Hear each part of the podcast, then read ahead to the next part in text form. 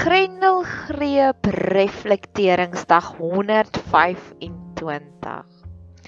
So nou het ek 'n afspraak, 'n pizza in die tuin afspraak met 'n vriendin van my wat ek gesê het ek wil 'n bietjie bid vir die plaasmoorde en sy het vir my soveel inligting gegee ek en sy gaan nou nou pizza eet om dit te bespreek. So ek neem aan Vrydag sal ek waarskynlik of dalk nou nie Vrydag nie, maar iewers sal ek waarskynlik nou weer nou nog inligting hê oor plaasmoorde. Maar in elk geval vandag is 'n week na dag 118 van die van die lockdown van die Grendelgreep.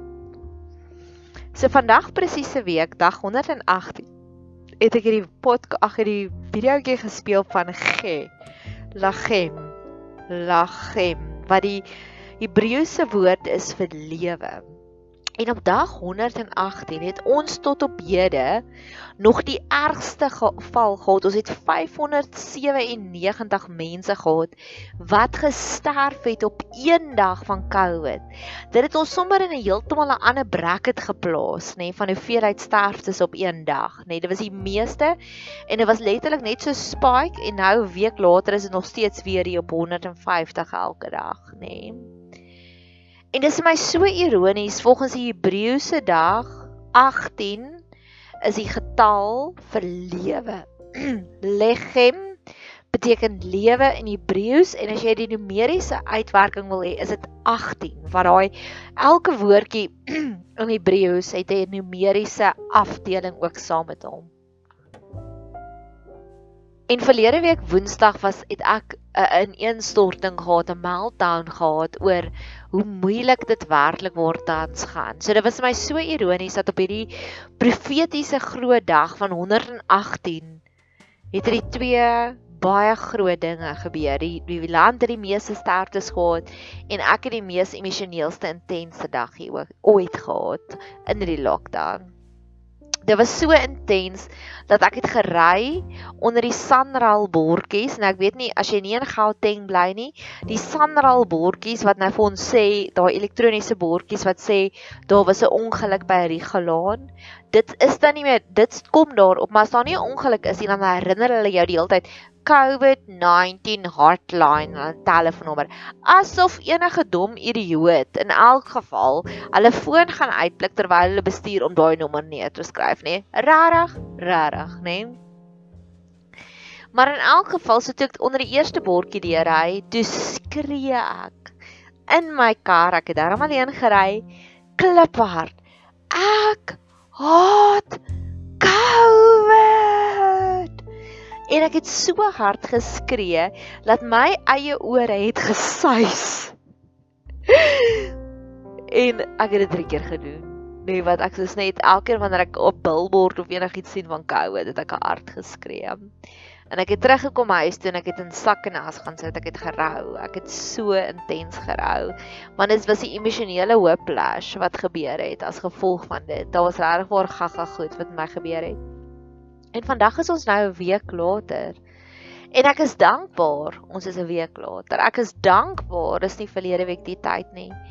En asof die Here my nog nie genoeg bederf het nie, stuur my mamma vriendin vanoggend vir my 'n boodskap om te sê sy wil my net vertel hier was 'n wonderwerk wat gebeur het vroeg vanoggend hier in ons omgewing. Daar was een of ander ongeluk, ek weet nie presies wat dit was nie.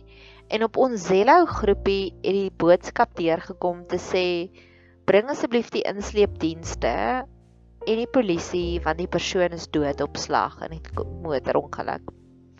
En iemand het iewers die boodskap verkeerd geluister en 'n ambulans uitgestuur. En die ambulansmanne wat ons bly ver uit het nou maar gedink ag ons is nou maar hier. Kom ons resas maar net hierdie oomie tot die polisie aankom my was dood. Hy was vir 'n rukkie lank dood. En hulle het begin resas net omdat hulle gevoel het hulle gaan nie nou net hier rond staan nie. En woepsie sit die oom hier regop. So dis amazing. Ons het 'n Lazarus oomblik gehad hier in ons omgewing. En ek glo dis van die Here wat my bederf het want ek het verlede week gesê Here, dis dag 118. It is not supposed to be this way. En hier het ons 'n Lazarus oomblik. So ja, en dan wil ek terugkom by skietery.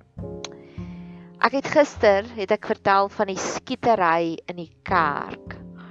En um Joost van 'n Westhuizen wat se broer wat opgestaan het en twee van die vier boewe doodgeskiet het. Sing haleluja. Verstaan dat dat ons opstaan, nie dat ek bly is oor enigiemand wat dood is nie, maar rarig. En ek het ek het gister het ek met 'n vriendin van my gepraat. Toe sê ek vir haar, "Weet jy hoe amazing is dit? Ek vermoed want die twee wat doodgeskiet is was gewapen en die ander twee was ook waarskynlik gewapen. Dat hierdie man twee van hulle uitgehaal het sonder om enigiemand anders seer te maak. Hoe amazing is dit?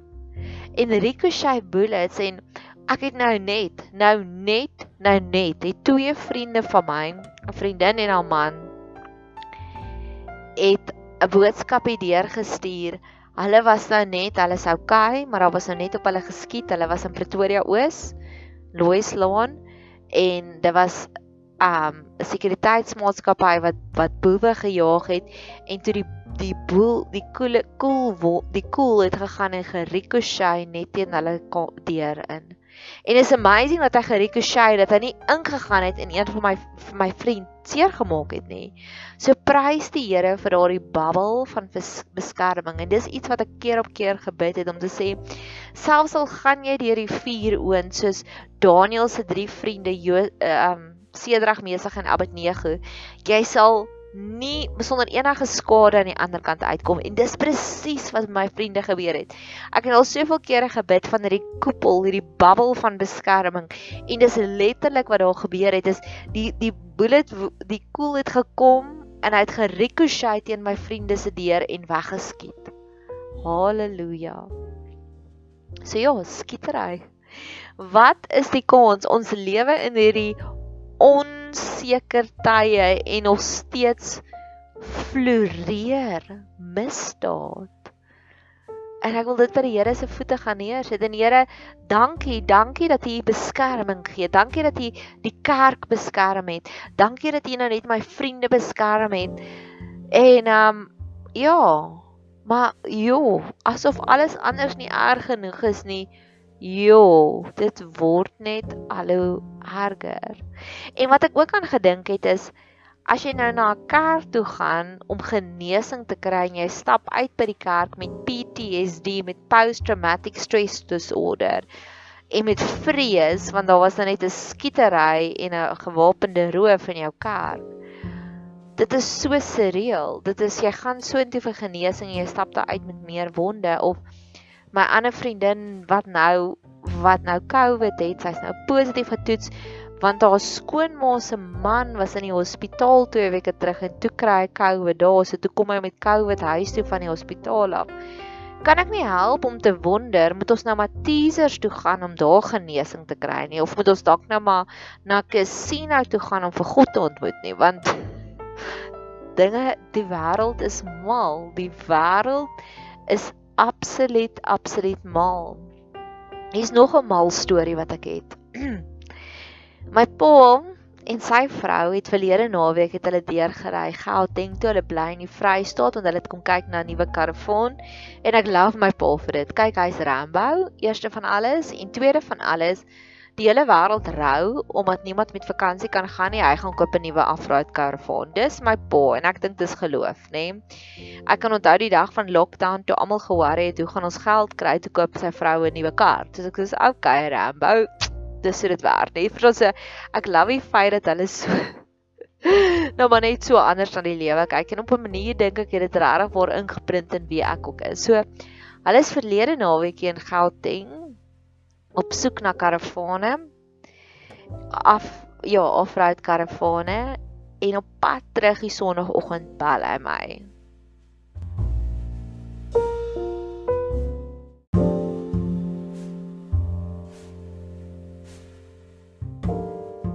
So hy bel my en ons gesels te lekker. En um, op 'n storm sê hy vir my sussie, ek bel jou nou terug ons gaan in 'n padblokkade. En dus, die foon is dood. 10 minute later lei my foon weer en ek sê so ek neem aan julle is nou net van die Gauteng grens af oor na jou Vrystaat toe. Ja sussie sê ek. En ek sê pappa, vertel my alles. Vertel my hoe dit gevoel, vertel my wat het hulle vir my jou gevra. En hy sê ja nee, ons het net gestop en hulle het gevra of ons permit om oor die grens te ry en ek het dit gewys en toe ry ons. En ek sê o, nou wie het julle afgetrek? Nee sê hy. 'n Weermagvrou wat uitgeklee is in haar weermagklere en sy het gestaan met 'n R4 masjiengeweer.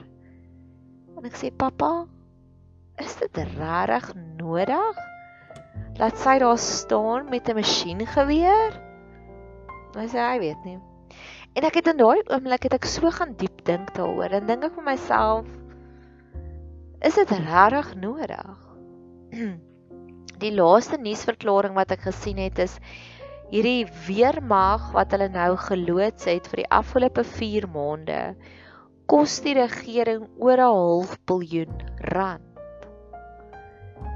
En ek dink myself, is dit regtig nodig om 'n Suid-Afrikaanse burger wat ongewapend is af te keer met 'n R4 masjiengeweer. Nou baie mense sê vir my, "Wel, dis die standard equipment waarmee dit saamkom," maar daai oomblik het my so hartseer gemaak want die misdaad is floreerend teen Suid-Afrika.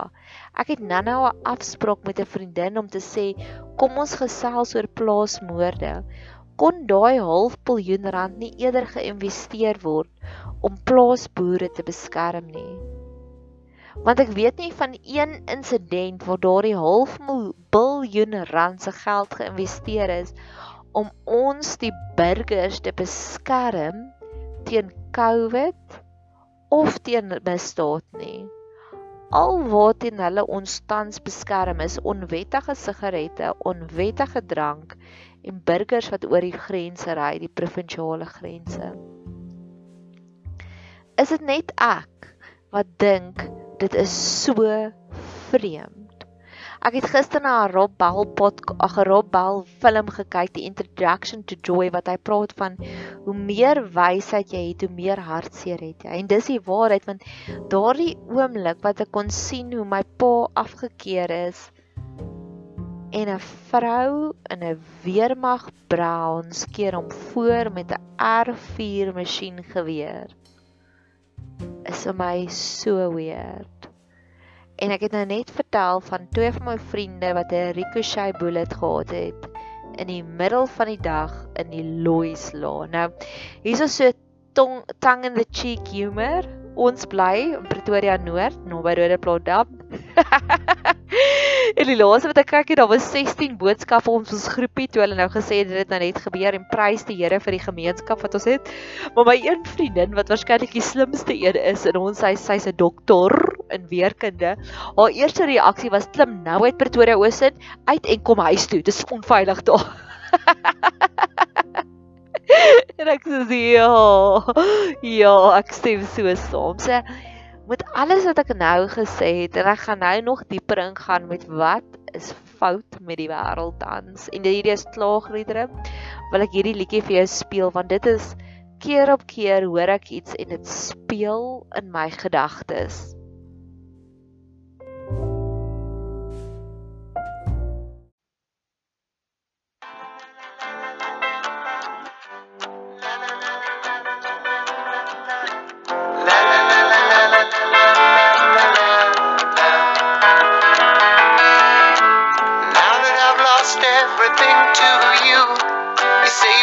start something new. And it's breaking my heart you're leaving.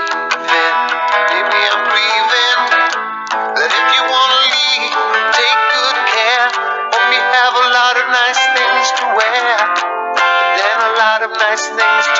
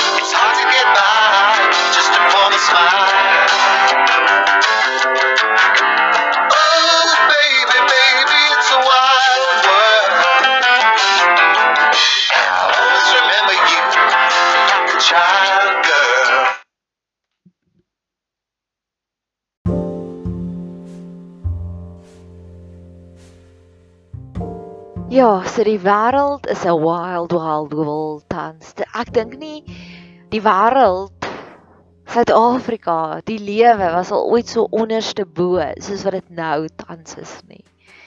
Ek dink nie so baie mense het al gelos en vat soos wat baie mense nou gelos en vat het nie. Ek loof en ek prys die Here vir die kreatiwiteit wat uitkom want die kreatiwiteit is amazing, maar Jo, it's a wild wild world tans daar buitekant. Ek het al vir verskeie mense gesê ek was nog nooit so verkeerd as baie my lewe soos nou nie. Ek kan onthou toe die res van die wêreld in lockdown begin gaan, het ek nog gesê daar is geen manier wat ons in lockdown sal wees nie. En dan het ek gesê, "O, oh, daar's geen manier wat dit sal gebeur nie. O, daar's geen manier." En elke keer dan sit ek met my hande in my hare en ek eet my hoed op want ek was so verkeerd. Daar's twee laaste politieke klagtes wat ek ook by die Here se voete gaan neerlê. Dit is my katedraalvriend wat baie nuus kyk, het dit vir my genoem. En hy sê dit frustreer hom die werkskepingsgeleenthede wat tans gebeur. En as ons net daarna kyk, is daar was 'n miljoen grafte wat begrawe is. Daar was op 'n stadium wat hulle marshals sou aangestel het om die om die kinders in die skole te help en ek dink nie eers ek weet nie eers of dit regtig waar ooit gerealiseer nie. Net om seker te maak dat daar sosiale distansiering of wat hy sê is is 'n goed as jy ry agter 'n taxi aan en die taxi gooi al die vlis uit by die venster. En dan gepraat jy met daai taxi bestuurder dan sê jy maar hoekom doen jy dit? Dan sê hy, "Man, dis werkskepingsgeleenthede want so kan die munisipaliteit dan iemand aanstel om die vullis op te tel." Ek sê vir hom, "Weet jy wat? Hoe voel dit vir my? Dit voel vir my soos jy 'n skool, nê?" Nee? Al die weird werkskepingsgeleenthede wat tans aan die gang gaan, al die weird plekke waar hulle geld bestee. Dit voel soos 'n skool 80% van die hulpbronne gaan na dissipline toe en 20% van dit gaan na opleiding toe. En dis hoe dit vir my voel is daar is soveel weird plekke waarop hulle geld uitbestee wat net dis glad nie conducive nie. En die laaste ding waar ek wil gaan kla in die Here se voete juis nou is hierdie Zondo kommissie, nê? Nee? Die Zondo kommissie wat aangestel is om Jacob Zuma te vervolg wat al vir maande aan een gaan. Hoeveel geld word uitbestee nie daarin nie en dit is onnodig. Hy is skuldig. Ons almal weet dit. Laat hy tronk toe gaan, punt. En ek dink aan ander wêrelde soos ek het al gehoor van China. Nou China het hierdie tronke. Kom ons kyk gou-gou jails in China. Dit is 'n baie weird naam wat hulle voel as jy nie so bietjie uit dit gesit het daar's 'n spesifieke naam. Oh, okay. Kom ons pos hom gaga. Chinese gulag. Ek moet nou eers my Book of Joy gaan uithaal. Dankie vir my sanctuary vriendin wat dit verlede jaar vir my verjaarsdag gegee het. So ja, in China is daar Chinese gulag. So as hulle voel jy gaan so bietjie te veel teen die grein van die kommunistiese um uitkyk dan arresteer hulle jou sonder enige verhoor, sonder sonder enige howe en jy gaan na die gulag toe. Na die Chinese gulag, G U L A G. En daar gaan sit jy en hulle hulle straf jou, hulle martel jou totdat hulle dink hulle daai rebellie uit jou uitgekry en dan word jy eers weer teruggerelease in die normale samelewing. En ja, dis bietjie baie ekstreem of in Maleisië het ek gehoor doen hulle al steeds corporate punishment. Hulle slaan jou, jy kry pak slaas as jy stout was. En dan kyk ek na Suid-Afrika en waar die Zondo kommissie gaan vir so lank aan. Ek meen die Gupta sover ek gehoor het sit nog in Dubai iewers en niks gebeur met hulle nie. Dit is die twee uiterste van die wêrelde en die grappie is nou al, hoor hierdie grappie. Ek het dit ver oggend gekry. Dit was op ons hierdie amper seker op WhatsApp groep. March 2020, daar is 'n foto van president Cyril Ramaphosa. We will ensure that COVID funds are not misappropriated. Dan July 2020. We will launch a commission to recover the stolen COVID funds. En net so is daar nog 'n kommissie, soos die Zondo kommissie wat aangaan en aangaan en aangaan sonder enigiets. Oh baby baby, it's a wild world. Dis wat ek voel. It's a wild wild world. En ek wil afsluit met hierdie laaste storie van ons howe en hoe dit net tans regtig erg ons geld steel. Een van die kennisse, een van die persone saam met wie ek journey, se stief boetie, die stief het sy eie pa, die persoon se stiefpa brutaal vermoor. Ali Ali Ali bewyse wys die vingers na hom toe hulle bly in 'n sekuriteitsestate. Daar is videokamera footage van hoe hy uitstap met bebloede klere. Daar's videokamera footage van hoe hy ingaan en dit doen en dan uitstap met die bebloede klere en dan uitgaan trek en die bebloede klere net so in die huis los wat hulle sy DNA opgekry het. Hy's op video vasgevang. Hy het gevlug. Hy het probeer uit die land uitkom. Hy het nie reg gekry nie. Al die vingers wys na hom toe. Dit het Desember maand gebeur, begin Desember, einde Desember is hy gearresteer. Hy sit nou nog in afwagting met verhoor. Hy was al 'n hele paar keer in en uit die hof en elke keer word die saak uitgestel. Ons trek by begin Augustus. Dis 'n dan en dusted case. Maar nogtans sukkel ons land om hom skuldig te bevind.